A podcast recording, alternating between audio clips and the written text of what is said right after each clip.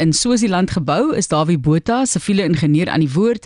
En ons praat oor die appeltrein in die Oos-Kaap, Platteland en goue trein in die stad van Goud. Maar Dawie, jy sê die begin jy's 'n bietjie van 'n regstelling of hoe? Absoluut. Ek moet my kop en skaamte laat sak, Martelies. Uh en ek het nou net so gedink, jy weet daai liedjie van Josou Wyn rein nogal, rein nogal met trein. So miskien was ek 'n bietjie te hoogmoedig om te dink ek weet alles. Uh verlede week het ek onder andere gesê dat die standaard spoorwyte vir die eerste en die laaste keer in Durban gebruik is in die jaar 1880. Dis nou daardie standaardwyte van 1,435 meter. En verbasend genoeg het toe niemand my oor die vingers getik nie. Ek dink die die eksperts het dalk nie geluister nie, maar ook maar goed want ek gaan vandag dit regstel dit het vir my amper gegaan soos daardie RSG se feit of flater program feit flater feit. En die rede daarvoor is dat die goudtrein se spoor inderdaad 1,435 meter is of soos in wêreldtaal praat ons van standaardwyte. So my verskoning aan die luisteraars, uh, ons sal ons hoogmoed maar 'n bietjie moet moet tem hierdie kant. Maar in elk geval ek wil bietjie verder teruggaan uh eers met die smaalspoor van Port Elizabeth, jy moet na avontuur. Nou baie van my inligting kom uit die boek Spore oor die veld van Boon Boonsaier waar ons al 'n paar keer gepraat het. Waar 'n pragtige hoofstuk oor die spoorlyn en sy treintjies geskryf het.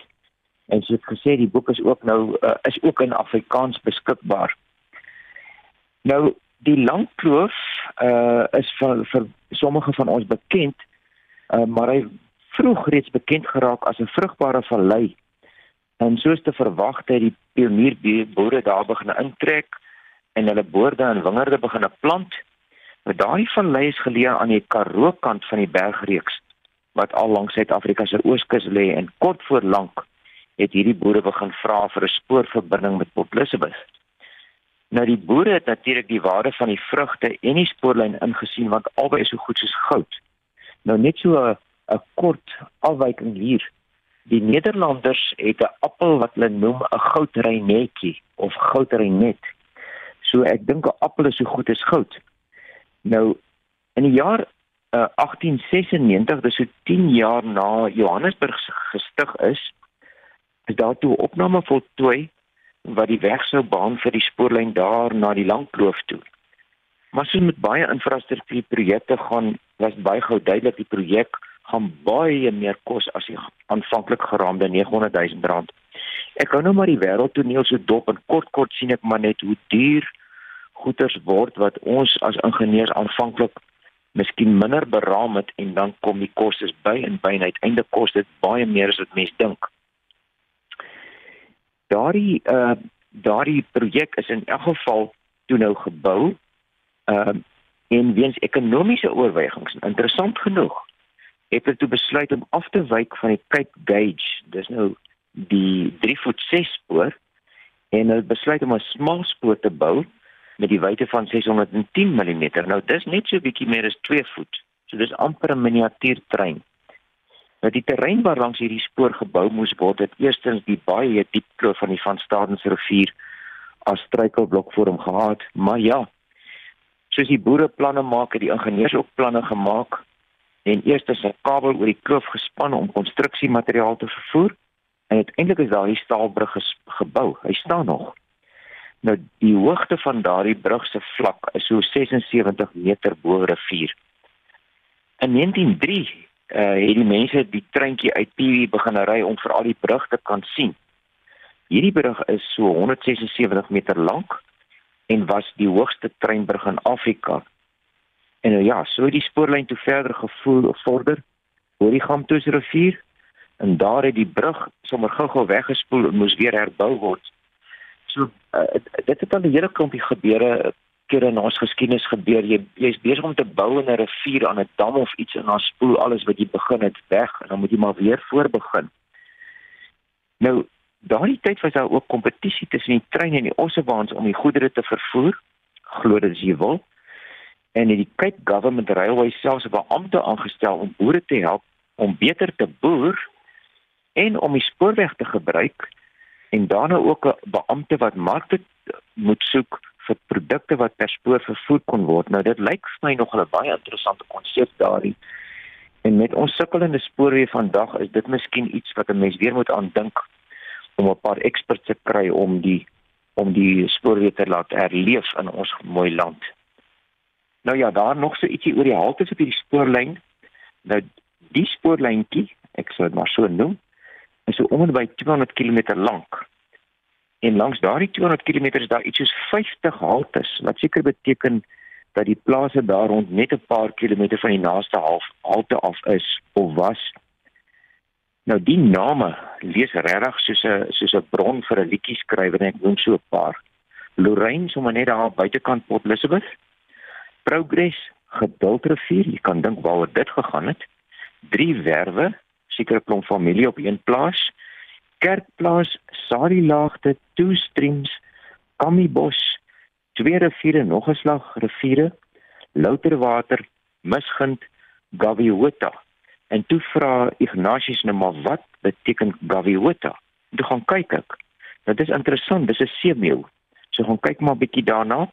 En dit is ook deesdae blykbaar hardloopskoen dan ongelegen siesta ek aan die ouens 'n bietjie moeg geraak 'n bietjie gerus en daarna avontuur nou dit het my laat dink hoe lekker dit sal wees as 'n kletsrymer hiermee kan speel.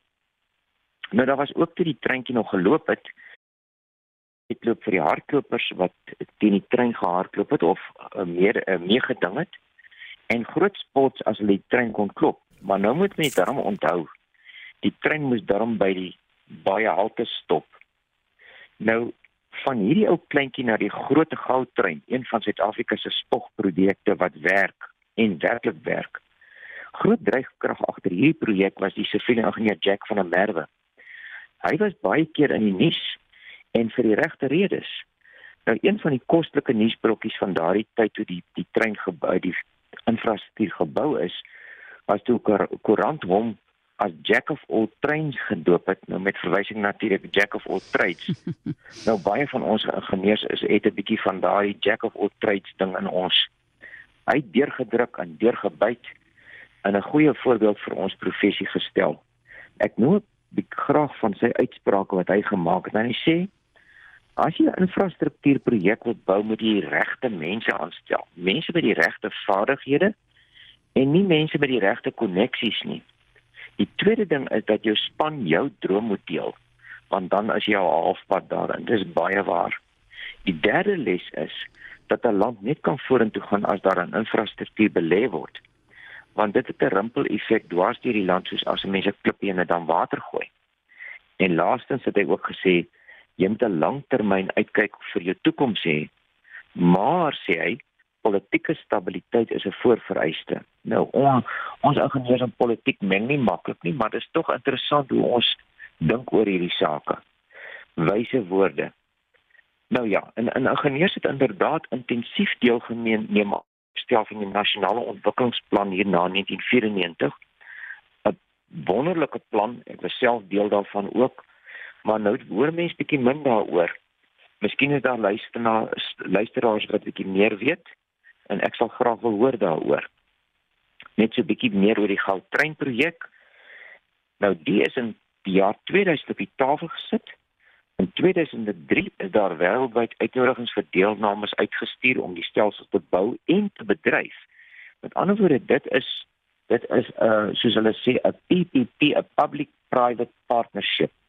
Ons nog 'n baie mooi Afrikaans daarvoor bedink. Nou in 2006 met die bouwerk begin Jack vertel dat dit natuurlik nou 'n kontrak van 20 jaar sou wees. Dit beteken dat die beleggers die moed moes hê om vir 20 jaar vir jou met hulle geld te vertrou. En werklik waar daar is toe 'n uh, konsortium gestig.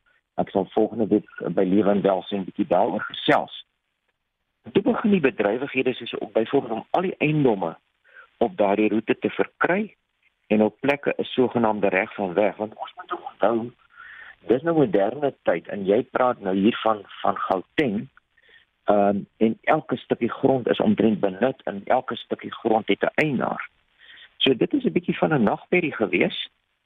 Ek het verstaan op 'n stadium daar het onderhandelinge oor honderde stukkies grond gegaan om dit so te stel.